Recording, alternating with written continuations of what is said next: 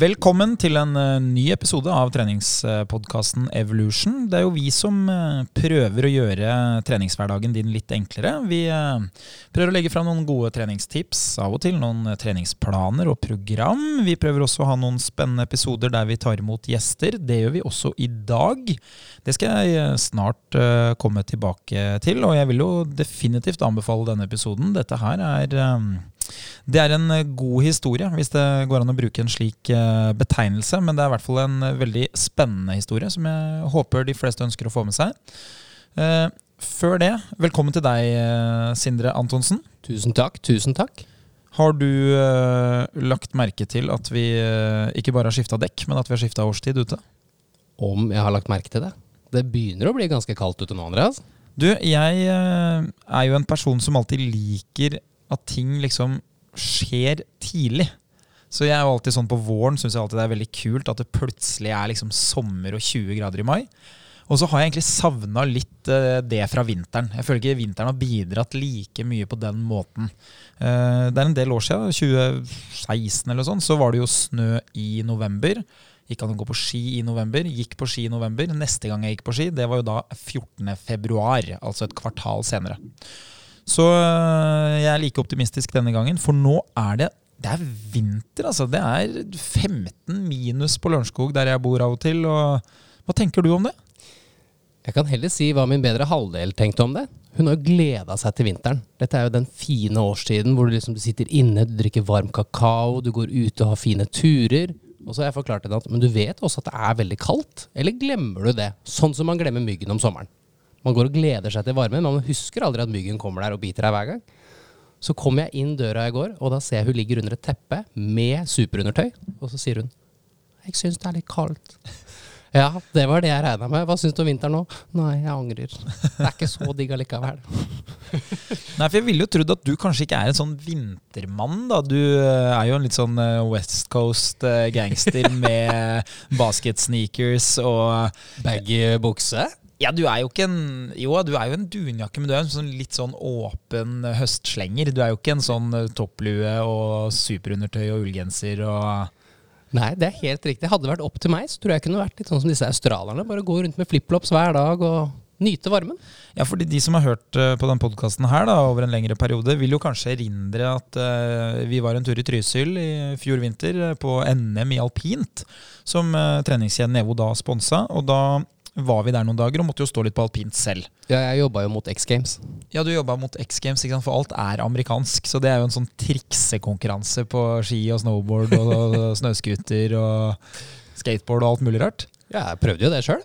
Ja, fordi det du gjorde, du leide ski, kjørte litt. Du var ikke så hakkande skæli som jeg frykta. Nei. Eh, inntil du da valgte å kjøre rett i en sånn brøytekant og brakk eh, låneskia dine. Men altså, den saltoen jeg tok, den er stilpoeng på ti av ti. Du eh, ble jo faktisk klappa inn på skiutleia, fordi de hadde jo aldri da møtt noen som hadde gjort det du gjorde, så de skulle da ta bilde av deg og henge opp på skiutleia i Trysil. Når vi sto i toppen av den svartløypa med én knekt ski, og så sier Andreas det kan hende at du må betale for dette når du kommer ned, så sa jeg vet du hva, det går helt fint. Så gikk jeg inn og var munter og grei og sa det at hei, folkens. Og de bare hei, veldig sånn forskrekka. Går det bra med deg? Ja, ja, det går helt fint, men jeg har knekt den skien her. Og da bryter de ut i latter.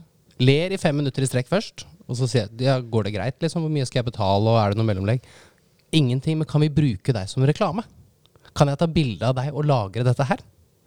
Så jeg lurer jo på litt på hva slags reklame det blei, men jeg tror det er hvis du er en idiot som han her, ikke lei ski hos oss. They paid with their respect. so they did. Nei, bra det. Du, har et siste spørsmål før vi ruller i, dag, nei, ruller i gang dagens episode, Sindre. Og ja. det er Skal du gå på langrennsski til vinteren? Har du en tanke om det? Nei. Eller jeg fikk spørsmål i går kveld, faktisk. Uh, det er noen hjemme som har veldig lyst. Jeg kommer nok ikke til å gå noen frivillige turer, men noen ufrivillige turer det hender at jeg begir meg ut på. Ufrivillig langrenn? Ufrivillig langrenn. Definisjonen på at du går lite på langrenn, det er jo når du beskriver det som bortoverski. Som du helt sikkert gjør, kjenner jeg deg rett? Ja, jeg står nedoverski, jeg. jeg elsker beskrivelsen bortoverski, for det bare sier at da, da bruker man ikke for mye tid på, på å drive med langrenn. Men hvis du hjemme er en som går på bortoverski, eller ikke går på bortoverski i det hele tatt, men faktisk har bortoverski, så skal jeg slå et lite slag for det akkurat nå.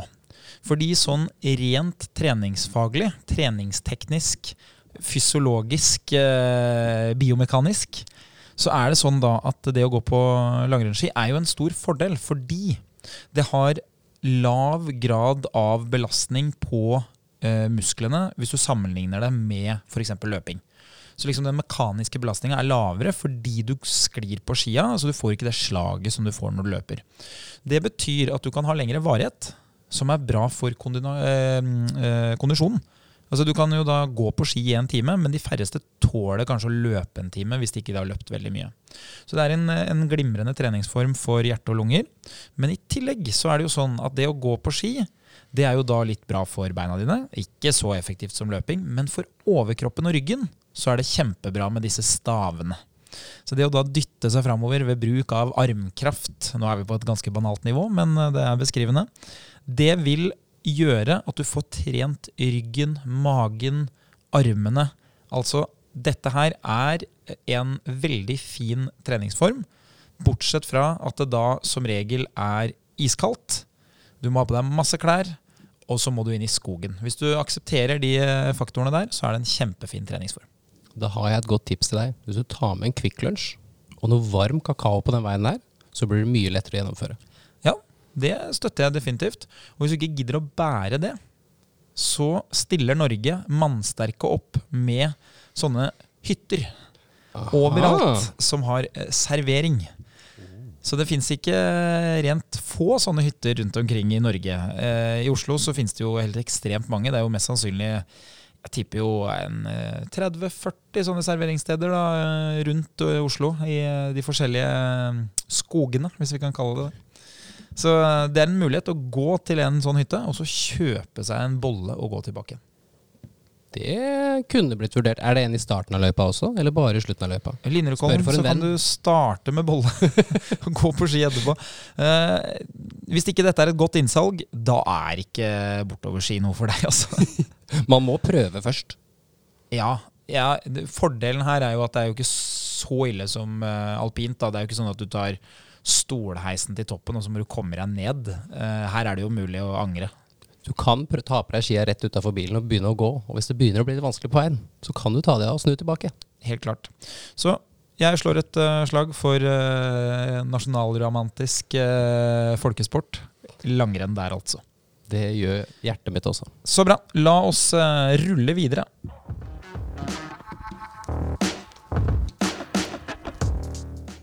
Vi har uh, fått uh, besøk. Uh, jeg vil jo nesten beskrive det som langveisfra, basert på egen reisevei.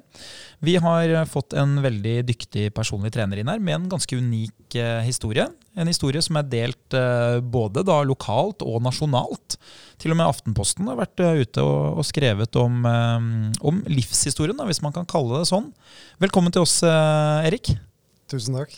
Du, Bruker du Erik, eller bruker du Erik James? Det går i Erik, men uh, i PT-sammenheng Erik James. Aha. Det, det selger bedre. Ikke sant? Så du har det man kaller for et artistnavn? Riktig. det er meg, og Jan Thomas. ja, ikke sant? Det må jo fenge deg litt, Sindre. Artistnavn det er jo litt sånn amerikansk? er det ikke? Stage name, mener du? Det er klart det. Jeg liker det her veldig godt. Hva er ditt uh, artistnavn når du er i utlandet?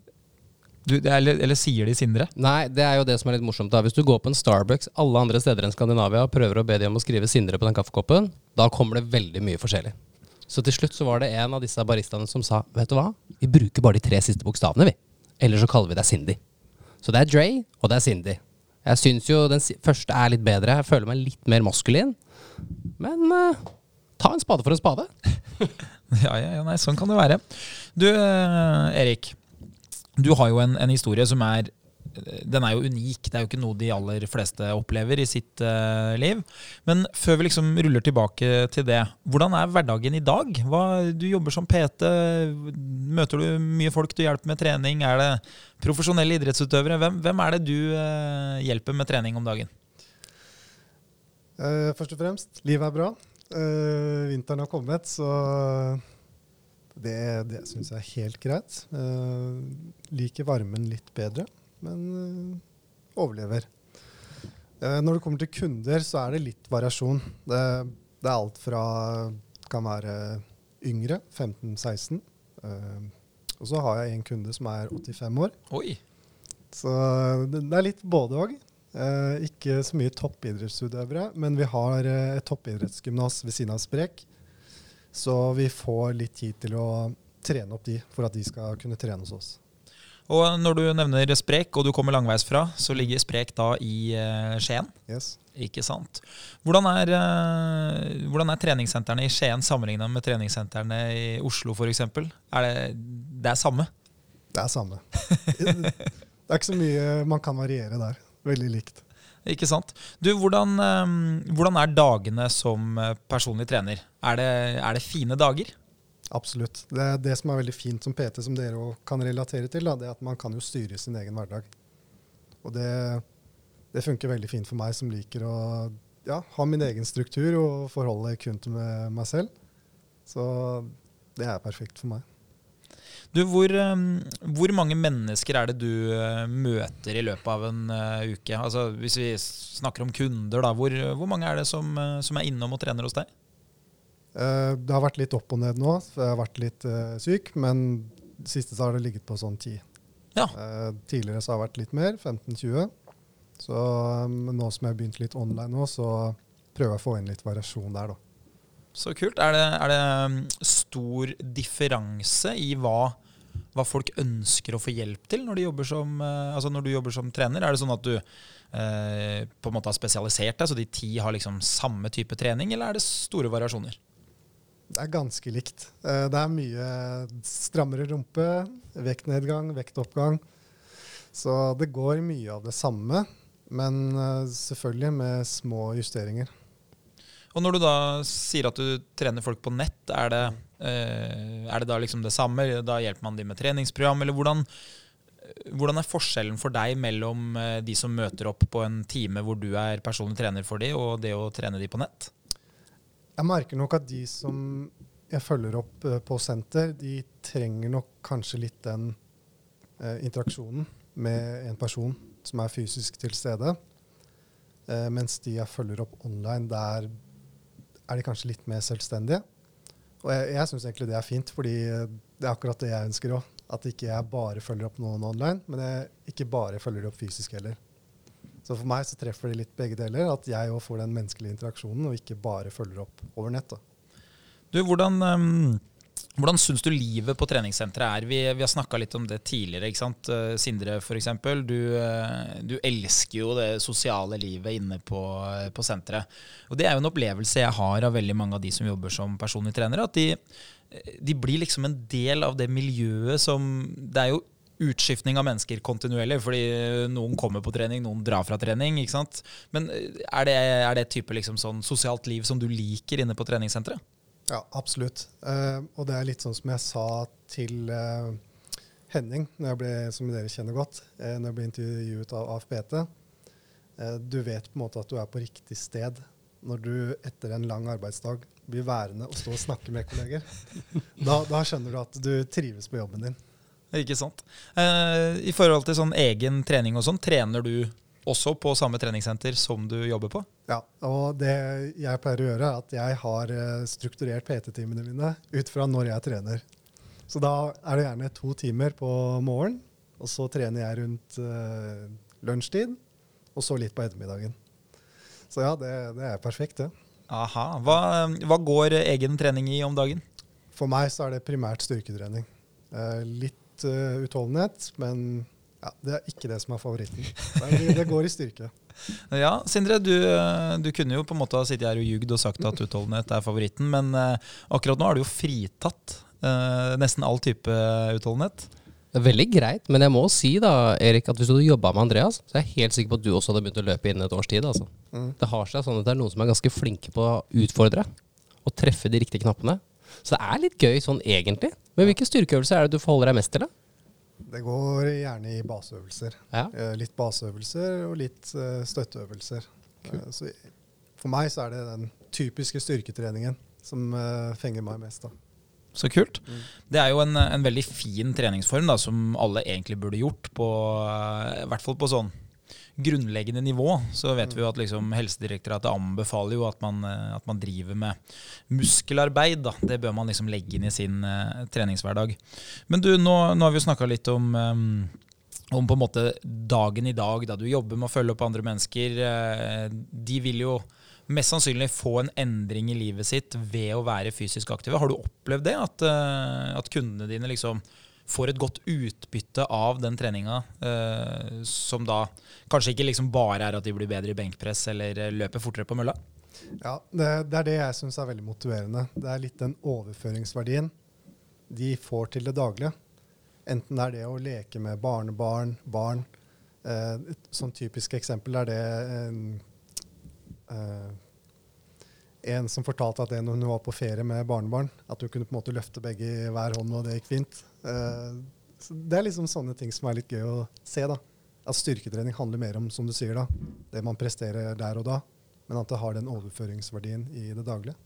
Ja, og det, jeg vil jo tro, ikke sant, hvis du, hvis du får til det, da, og du får til sånne opplevelser som du beskriver, så, så, vil du også kanskje få de tilbakemeldingene. For jeg regner jo med du blir ganske godt kjent med de kundene hvis du møter de et par ganger i uka året rundt? Ja, og det er sikkert noe dere kjenner til òg. Eh, mennesker har jo en tendens til å åpne seg på en helt annen måte når de kjenner på en mestringsfølelse og bruker fysisk kroppen. har i hvert fall jeg merket. Og det syns jeg er på en måte veldig fint, samtidig at man blir litt sjokkert over hvor mye de faktisk åpner seg. Men først og fremst bare veldig fint og noe man setter pris på. da. Er det noen av kundene dine som, eh, som, på en måte har opplevd store forandringer? Eh, enten da gjennom trening eller store forandringer hvor trening kanskje har eh, vært innledende til forandringa i livet? Ja, øh, kanskje spesielt øh, det med vektnedgang, og at det måtte bli sterkere og mer utholdende. Og det at de kan eh, eller fra tidligere at de ikke kunne gjøre ting sosialt med barn og øh, ektemann eller kone, mens nå skal de være med på alt det sosiale som har med fysisk aktivitet å gjøre. Da. Ja, for det er jo kanskje en ting som man undervurderer hvis man selv på en måte har levd et aktivt liv og vært øh, Ikke si godt trent, da, men du opplever det kanskje i større grad hvis det, hvis det med fysisk aktivitet er en utfordring. Så det må jo være veldig kjekt å kjenne på det, at folk liksom kommer tilbake og formidler at uh, du har betydd en stor endring i livet. Mm. Men uh, vi vet jo at uh, i ditt eget liv så har du jo på en måte ikke Det har ikke alltid vært sånn her. Det har ikke alltid vært gode dager med si oppvarming med et par PT-timer hvor du får litt skryt og gode opplevelser, trene litt selv og så møte flere mennesker. Hvor, um, hvor stor forskjell føler du at det er på livet i dag kontra for en del år siden? Mm, kort oppsummert natt og dag. det, er, det er vel det enkleste man kan si.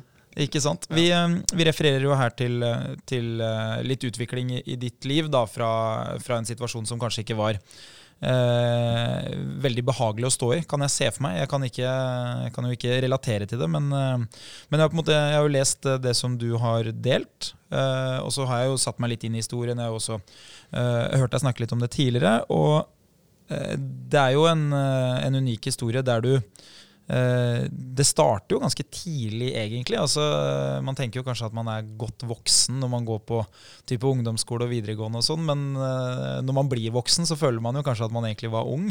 Hvordan, hvordan var livet, liksom, hvis vi starter sånn tilbake på, på skolebenken? Og, hvordan hvordan endra livet seg for deg, egentlig? Hvis vi tar utgangspunkt i videregående, da, altså, eller før videregående så har jeg på en måte aldri hatt en stor interesse for eh, fag. Det har på en måte vært gym som har vært favoritten, som sikkert mange kan relatere til. Eh, men så er det litt det med når du kommer til videregående, da får det konsekvenser. At man ikke møter opp eller presterer så godt. Så kjente nok ganske tidlig på videregående at ikke jeg var motivert. Eh, og da begynte jeg på, um, begynte på idrett første året. Så var ikke det helt sånn som man så for seg. Og den gang så var ikke treningslærer like interessant som det er nå. Så ja, det, det var vel det som var vendepunktet. At man var så å si drittlei av skolene. Og da endte med at man måtte gå om igjen, og så mistet man mer interesse da òg. Ja, for det, jeg kan se for meg, da, når man, når man detter av sånn, så så detter man jo kanskje av det sosiale òg. At uh, de som man har gått i klasse med, de forsvinner, og så kommer det nye. og Det er kanskje ikke så lett å hoppe inn igjen. Nei, uh, og det er jo litt kanskje det man ikke er veldig klar over da, før man står i det.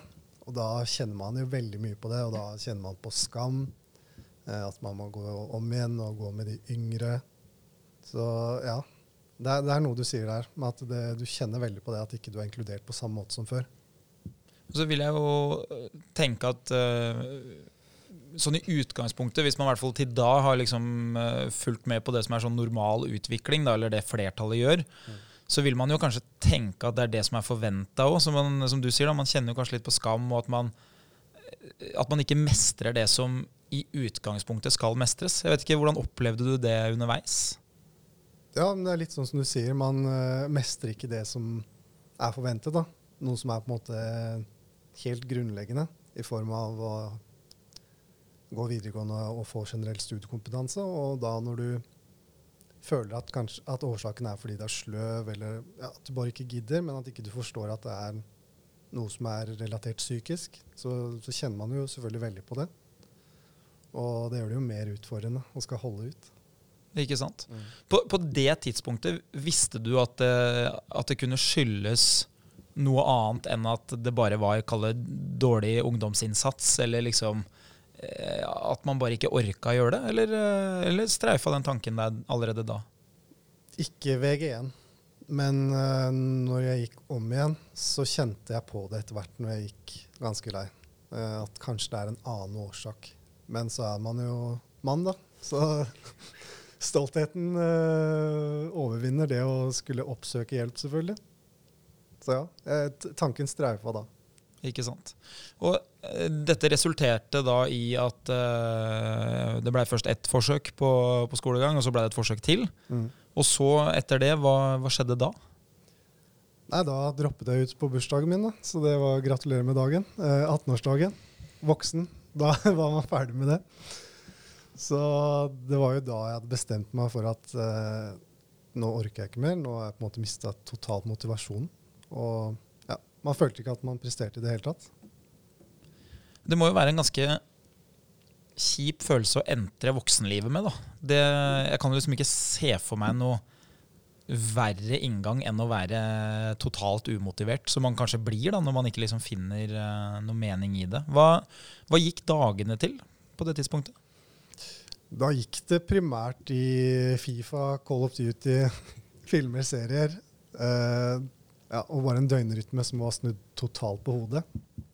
Og det sosiale livet, var det, var det noe venner og fester og Mm, litt, men ikke like mye som før. For det var veldig det at man kjente på den skammen og ønsket, utenom det når man var med de, eh, de barndomsvennene sine, så ønsket man ikke å være med andre, da.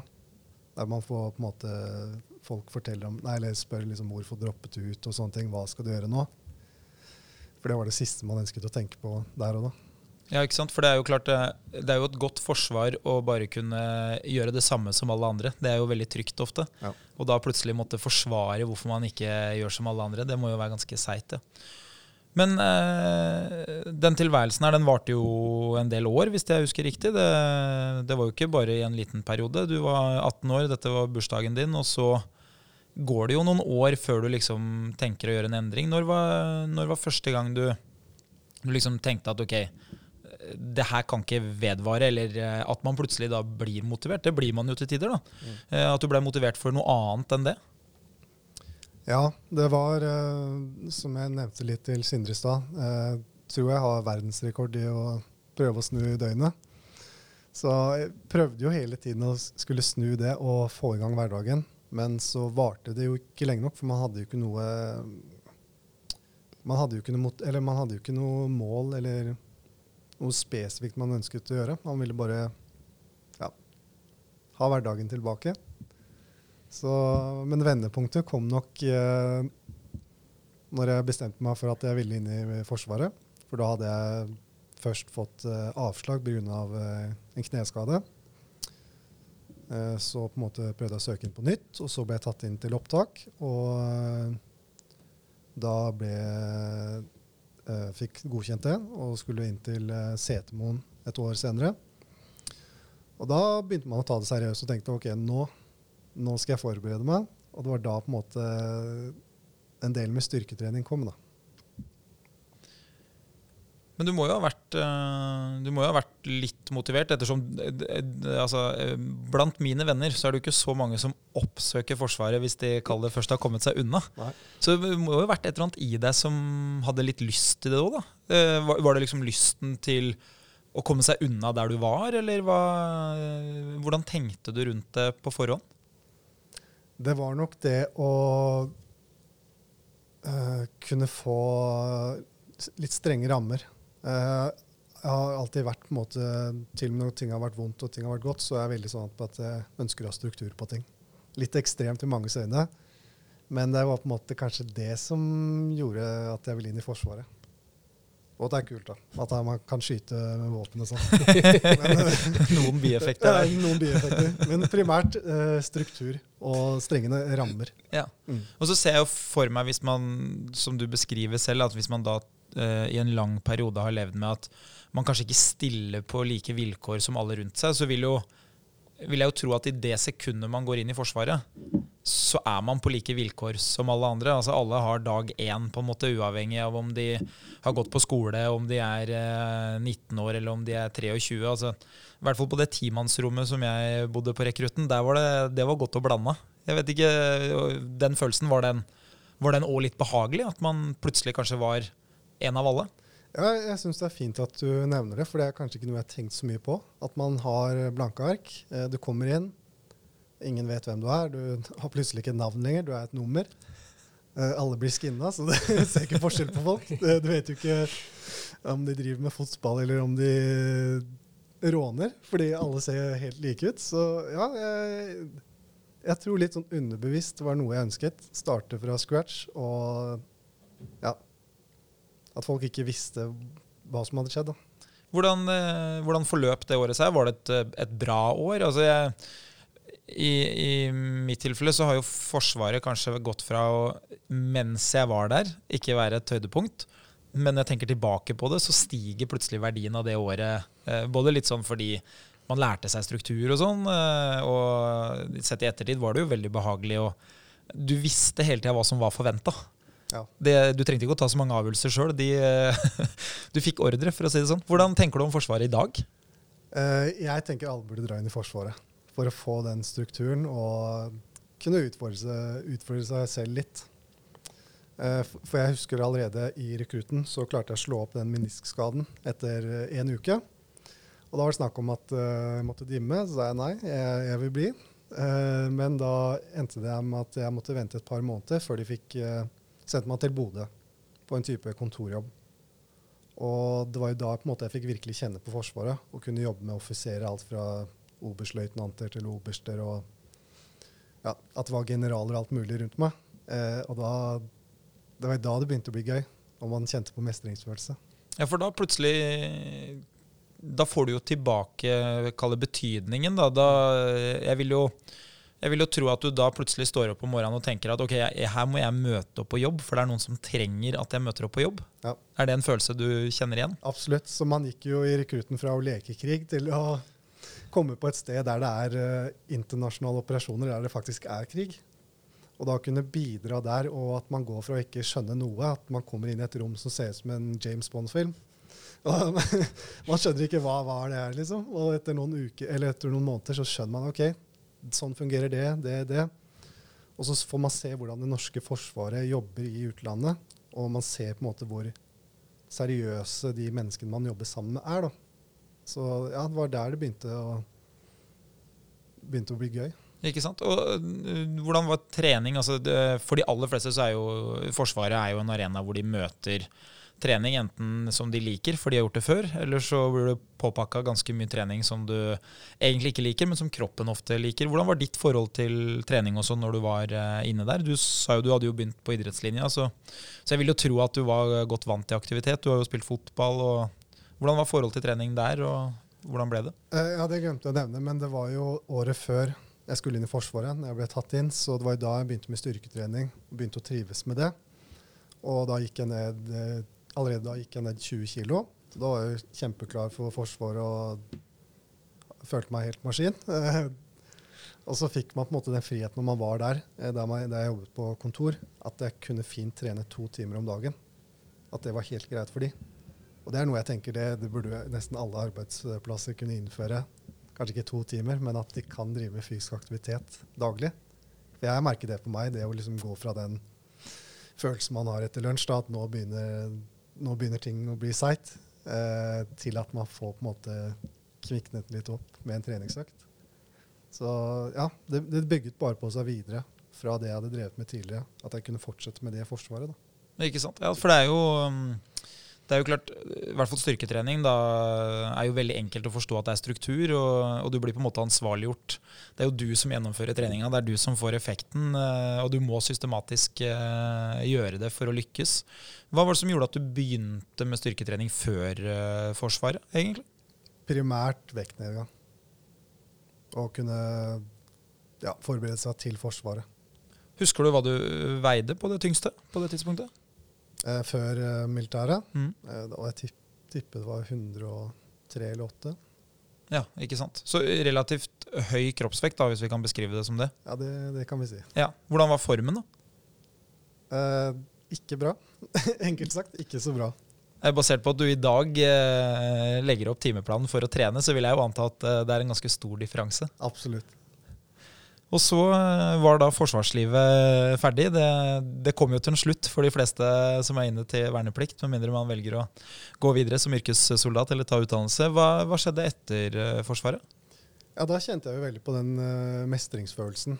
Og da var jeg på en måte innstilt på at nå ønsker jeg å ta opp fag for å søke meg inn til befalsskole. Kom hjem, men brukte alle dimepengene på å ta opp fag. Uh, og det gikk fint de første månedene. Så begynte man å kjenne på den nedturen man har hatt før. Og skjønte ikke hvorfor. Og bare var veldig tilbake til det der man var før, der man var før med å isolere seg. Droppe helt og prøve å ta opp de eksamene. Uh, sluttet å trene. Døgnrytmen ble dårlig igjen. Så ja, man kom tilbake der man var tidligere. og skjønte egentlig ikke hvorfor. da.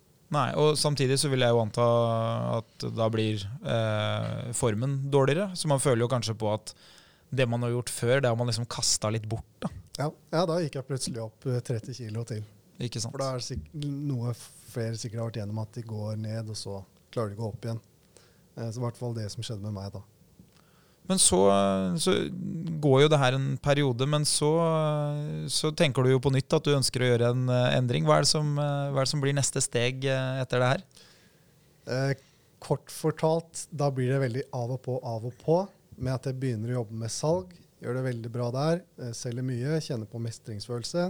Begynner å ta fag igjen. Kommer samme duppen som tidligere. Døgnrytmen ræva. Kosthold, trening, Eh, slutter å jobbe, slutter å ta opp fag. Og så blir det sånn av og på med akkurat den strukturen. Begynner å jobbe, tar opp fag. Eh, dropper ut av det. Eh, og så, sånn holdt vel på fra Forsvaret til 2017. da. Ja, ikke sant. Hvor mange år, eh, Husker du hvilket år du var i Forsvaret? eller? 20, dimitterte i 2014. Ja, ikke sant? Så vi snakker jo om en ganske betydelig periode, egentlig. da. Ja. Og, og, spesielt for den som opplever det, så vil jeg jo anta at det føltes eh, ekstremt lenge. Mm. Nei, det, er en veldig, det er en veldig kinkig situasjon. Da. Det er jo da man liksom prøver å finne identiteten sin og, og, finne ut hvem man er, og så ender man opp i en spiral hvor man liksom kanskje etter hvert begynner å se mer på at å ja, eh, jeg er den som ikke får det til, enn eh, en alle de gangene man faktisk får det til. Ja. Er det en beskrivelse for deg at du, at du er ganske all in når du begynner med noe? Veldig all in og veldig sta. Så det, det, ja, det som du sier, det, det, oppsummerer meg ganske godt. Og så når du da på en måte enten har mestra det eller eh, ikke mestra det, så, så, kan det bli all out på et tidspunkt? Absolutt. Ikke sant. Men så eh, fram til 2017 så, så, går jo den spiralen her, men da begynner det å, å, skje store endringer. Ja. Hva er det som skjer fra og med 2017? Sommeren 2017 så bestemmer jeg meg for å flytte tilbake til Oslo. Tenker nå skal jeg bare ta opp de fagene, og så har jeg lyst til å kombinere det jeg interesserer meg mest for, som er fysisk aktivitet og psykologi. Så tanken var å ta opp fag og studere idrettspsykologi ved NIH. Uh, går kjempebra i starten. Første månedene. Har struktur. Går ned masse vekt. Uh, Det er det samme som før. Tenker nå, nå går det fint. Og så kommer den samme knekken igjen, og jeg skjønner ikke hva det er. Og kjenner kanskje ekstra på det nå, for nå har det skjedd så mange ganger.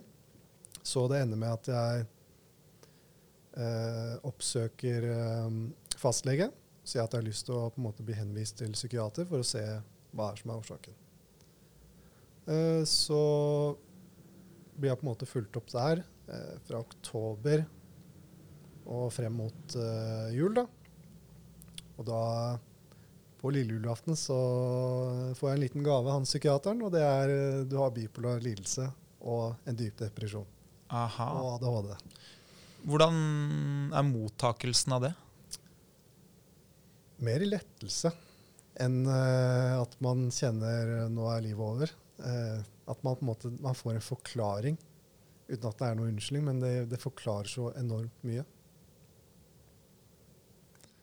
Ja, det er veldig, eh, det er jo veldig spesielt, for det her er jo noe veldig få eh, opplever. da, Men det må jo, som du sier, altså, det er jo en enorm eh, endring i livet du skaper når du først er på, og så er du jo eh, et helt annet sted når du er av.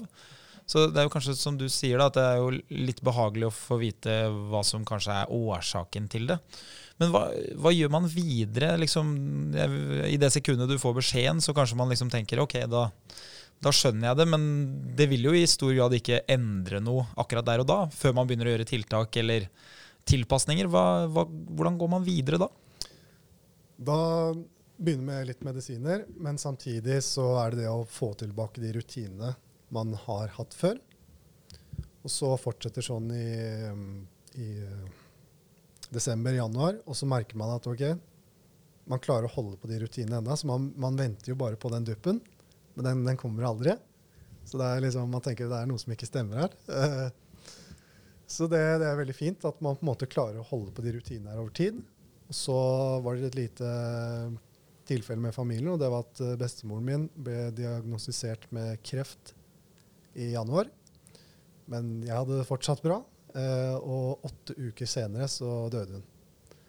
Og jeg syntes det var kjemperart at jeg hadde det fortsatt bra og klarte å pushe på mine ting. Uh, selvfølgelig, det var jo tungt å se de rundt og ha det, ha det sånn. Men så ja, så klarte jeg på en måte å fortsette med de rutinene, selv, selv, om det skjedde ting eh, som ikke jeg kunne gjøre noe med. da. Og så kom jo covid. Ja. Mm. det må jo være en test av det, dimensjoner. Ja. Så ja, jeg pleier å si at covid var jo vendepunktet for meg. Eh, som det mest sannsynligvis ikke var for veldig mange. Eh, for det var jo da alt ble stengt. Treningssenter. Eh, ja, man, det var ikke så mye man kunne gjøre. Så jeg bestemte meg for å heller være mer hjemme i Skien enn å være i Oslo på den tiden. Eh, og det som var veldig fint, det var at faren min han hadde masse sånne manualer. Man kunne bare skru på vektskiver. Så de, de, var jo helt gull på den tiden der. Så da hadde jeg 30-40 kilo med sånne manualer og bare drev med sirkeltrening i hagen. Så for meg så var det på en måte det faste rutiner. Eh, stå opp til vanlig tid, begynne å ta de fagene igjen. Eh, trene i hagen, og så på ettermiddagen kvelden game med gutta. Så det var på en måte helt nydelig. Levde plutselig drømmelivet? Drømmelivet. Det var helt fantastisk. Så det ble på en måte min sosiale bit. Å kunne være, liksom spille med de hver kveld, men samtidig som at jeg hadde rutiner med trening, eh, kosthold og ta opp fag. Og sånn gikk det fra, ja, fra covid til, eh, til høsten. Eh, og så merket jeg at ok, nå er ting såpass bra. Jeg har på en måte klart å gå ned 20 kilo kjenner at på en måte døgnrytmen er bra. Har på en måte ikke snudd den siden før, eh, før covid. Og så tenkte jeg ok, nå har jeg lyst til å begynne å jobbe, jobbe igjen. Eh, da ble det forresten ikke noe NIH, for da flyttet jeg tilbake til Skien. For da kjente jeg at jeg orker ikke mer Oslo nå. Men da begynte jeg å jobbe med salg igjen. Eh, begynte å gjøre det kjempebra der i starten, sånn som jeg gjorde tidligere òg. Og så etter hvert så kjente jeg på eh, ikke den samme duppen, men jeg kjente at ok, det her har jeg ikke lyst til å fortsette med. Bare drive og selge det er noe som jeg ikke kan stå innenfor, som jeg ja, har troa på. Det, da mister man motivasjonen. Og det var da jeg tenkte ok, det jeg interesserer meg mest for innen uh, fritid og yrkeslivet er på en måte trening, salg og psykologi. Hva kan man gjøre da? Ja, hva, hva er svaret av den ligningen? Og da fant jeg ut at allerede etter jeg var ferdig i Forsvaret, så vurderte jeg å ta en PT-utdannelse. Men så ble det ikke noe med tanke på at ting var som det var. Men nå tenkte jeg nå går jeg for det. Eh, nå tar jeg den PT-utdannelsen, og så valgte jeg å slutte på den jobben. Og heller ikke bruke så mye penger. Og heller bo hos moren min i hvert fall ett år til og ta den PT-utdannelsen. Så ja, det var da desember 20, 2018 blir det vel. Ja, under covid der. At jeg begynte å ta PT-utdannelsen via AFPT. Mm. Mm. Hva tenkte du om, eh, om jobben som skulle vente? Altså, hadde du gjort deg noen tanker om det? Hvem, hvordan ser en hverdag ut uh, som personlig trener? Hvem er det jeg skal trene? Eller tenkte du mest at uh, det inneholder på en måte de tingene som jeg liker? Det, var, det er nok mer det siste du sa. Uh, og jeg var veldig bevisst på det at det er mye fokus på salg. Og jeg var veldig bevisst på det er noe jeg trives med, men at det blir en annen type salg. Så det var noe jeg så veldig frem til. Så da å kunne selge noe man står innenfor, som man har så mye positiv erfaring med, vekt, med vektnedgang, bygge muskler, sånne ting. Uh, å kunne selge det produktet, det var noe på en måte jeg var veldig klar for. da. Hva er den største forskjellen mellom hva du så for deg på forhånd som personlig trener, og, og hvordan det ble? Mm, det, det er et godt spørsmål. Det, for meg så må det vel være hvor selvstendig man faktisk er. da. Selv om man jobber på et senter og har en PT-leder, så man jobber mye mer alene enn det man har gjort før. Når man jobber med salg, at man er et team. Selv om man er et PT-team, så jobber man jo selvstendig. Hva tenker du om det ansvaret som du har for kundene dine? Er det, er det overraskende lite påvirkning du kan gjøre, eller er det overraskende mye du kan bety i deres liv? Overraskende mye, vil jeg si. Mm. Det, man, I hvert fall for min egen del så får man litt sjokk over hvor stor betydning det har for dem. Mm. For ofte så, i hvert fall jeg tenker jo sånn, det, det jeg bidrar med, er jo, er jo styrkeøvelser, kondisjonsøvelser, system, struktur, eh, motivasjon. Og så er jo på en måte resultatet i andre enden kan jo være veldig store omveltninger i livet. da. Men du, eh, du snakka jo litt om, om vektreduksjon, for du har jo virkelig testa det meste, hvis man kan si det sånn. Hva, hva er liksom det, det største du har gått ned i vekt i løpet av den perioden her? Totalt så er det 41 kilo. 41 kilo. Ja. Det er, jo, det er jo en enorm forskjell hvis man tenker på fysisk kapasitet og liksom helseparametere og sånn. Det, må jo- det må jo være noe du bærer med deg i dag, liksom den følelsen av hvordan det har vært tidligere. ja, jeg bærer med meg alt utenom vekta i seg selv.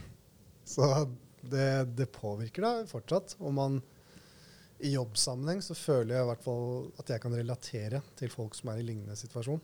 Hvordan det er å stå i. Eh, liksom, jeg har ikke bare sympati for dem, men jeg har jo empati. At jeg forstår hvordan det er. da.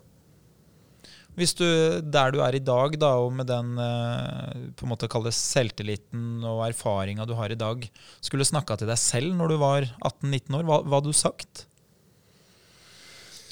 Nå kommer du med gode spørsmål. Eh, Men det er vel Det er overraskende lite som skal til da, for å få en god effekt. Og det er det jeg sier til kunden min nå. At man tenker at man må trene så mye, og at man kan senke kravet mer enn man tror for å få en mestringsfølelse. Ja, ikke sant? Mm. Hvor, uh, hvor mye har trening betydd for deg i den uh, situasjonen du har stått i? For meg så har det vært det viktigste. Uh, det er det som på en måte Det, søvn og kosthold, som har på en måte vært de basalbehovene for meg, som har, som har gjort at jeg har fått til det jeg har fått til. Da. Det er en veldig, veldig gripende historie. Jeg, jeg må jo igjen berømme deg for at du deler det, og at du også har på en måte kalle kommunikative evner da, til å kunne formidle det så folk forstår det. For det er jo ikke alltid gitt at fordi man opplever det, så evner man å, å dele historien på en, eh, på en spennende måte, da, hvis man kan kalle det sånn for, eh, for lytteren. Eh, Sindre, du har jo vært her og, og hørt på. Hva, hva er det du tenker sånn instinktivt?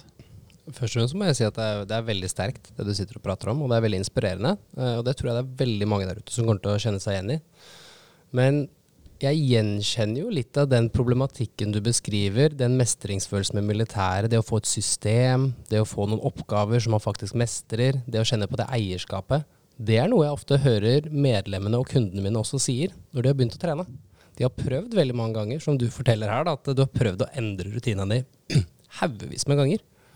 Jeg, det stiller jeg første spørsmålet jeg stiller til de kundene jeg møter, er hvor mange ganger har du prøvd å lykkes med dette her tidligere? Og det er jo ofte litt sånn som du sier her, da, at det er veldig mange ganger. Og det å få se de få det eierskapet og mestringsfølelsen, føler jeg litt den samme beskrivelsen du gir av å få til det du har skapt da, og oppnådd. Og det må jo gi deg en enorm forståelse når du er ute med kundene dine. Ja, jeg føler i hvert fall det. Og det er jo litt som du sier, da. Det er jo det eierskapet. Og det er jo på en måte én ting jeg sier til kunden min nå. Eh, det viktigste for meg er at du får eierskap til det du gjør. For da blir det lettere for deg å trene på egen hånd nå. Da er ikke du avhengig av alt du gjør av trening er med meg, men du føler deg trygg på det du faktisk gjør. Det er så bra sagt. Jeg er helt enig. Nei, det er jo, det er jo liksom sånn Det er jo enkle enkle metoder man bruker, men de kan jo være vanskelig å gjennomføre.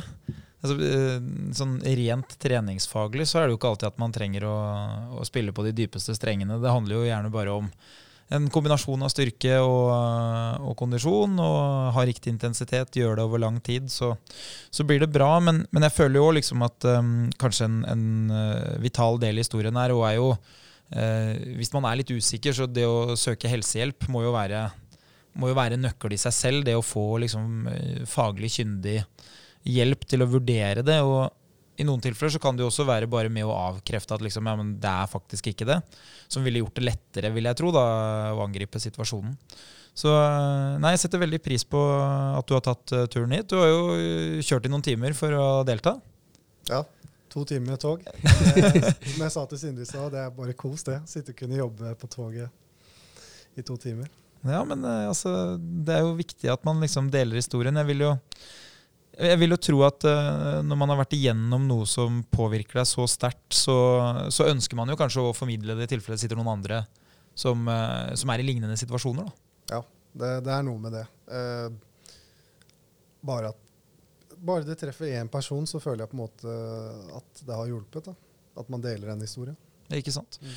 Eh, hva er eh, veien videre? Hva, hva, bringer fremtiden? Fremtiden den bringer eh, det å kunne jobbe som personlig trener og hjelpe folk som man har gjort hittil, så lenge man, ja, så lenge man jobber, eller så lenge man lever. Eh, og kunne kombinere det med fysiske PT-timer og nett, eh, over nett. Da. Spennende. spennende. Det er jo veldig, veldig kult. Altså det Jeg tenker jo liksom Det å kunne bruke erfaringa si som du gjør, da, til å hjelpe andre, det må jo være veldig givende. Det å liksom få lov til å, til å bruke en sånn type situasjon som motivasjon da, for å gå på jobb hver dag. Hvordan er innstillinga til, til arbeidshverdagene nå? Ja, men det er litt sånn som du sier, at det er en enorm motivasjon. Og man skjønner man har tatt eh, riktig yrkesvalg.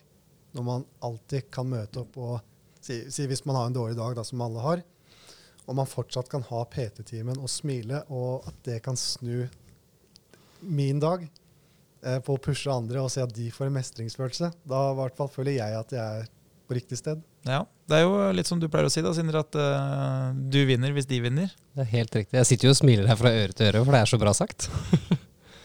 Veldig bra, altså. Jeg uh, setter veldig pris på at du turen. Eh, tusen takk for at du kom og delte din historie. Uh, vi har jo hatt en rekke gjester, men jeg må jo si at det her er jo på øverste hylle. Dette er veldig, veldig inspirerende. Og jeg tror det er mange der ute Erik, som går til å høre historiene nå og tenke at wow, hvis det er mulig, så kan jeg faktisk få til dette her selv, altså. Vi pleier å si det at um, min motivasjon kan aldri være din motivasjon, men uh, det er fint mulig å hente motivasjon fra andre. Ja. Og det kjenner jeg jo på uh, etter at vi har prata sammen i dag, at uh, man blir jo litt mer motivert til å liksom stå på og gjennomføre de tingene som man møter på. Fordi at man, man vet at det er noen som har langt større utfordringer, og som på en måte har mer fortjente vanskeligheter med å, med å komme seg gjennom hverdagen. Altså. Absolutt. Tusen takk for at du tok turen. Tusen takk til deg som uh, lytter på. Vi uh, setter jo veldig pris på at uh, du som lytter på, kommer med innspill. Så hvis du lurer på noe, hvis du har noen spørsmål knytta til trening, eller om du har noen forslag til hva vi bør ta opp videre i podkasten, så sender du det enten via Instagram til vår egen Instagram-profil, Evolution Podcast, eller så kan du sende den i alle kanaler til meg eller Sindre. Så skal vi fange det opp og gjøre noe med det. Inntil videre så ønsker vi deg en god eh, treningshverdag. Lykke til med treninga. Vi høres.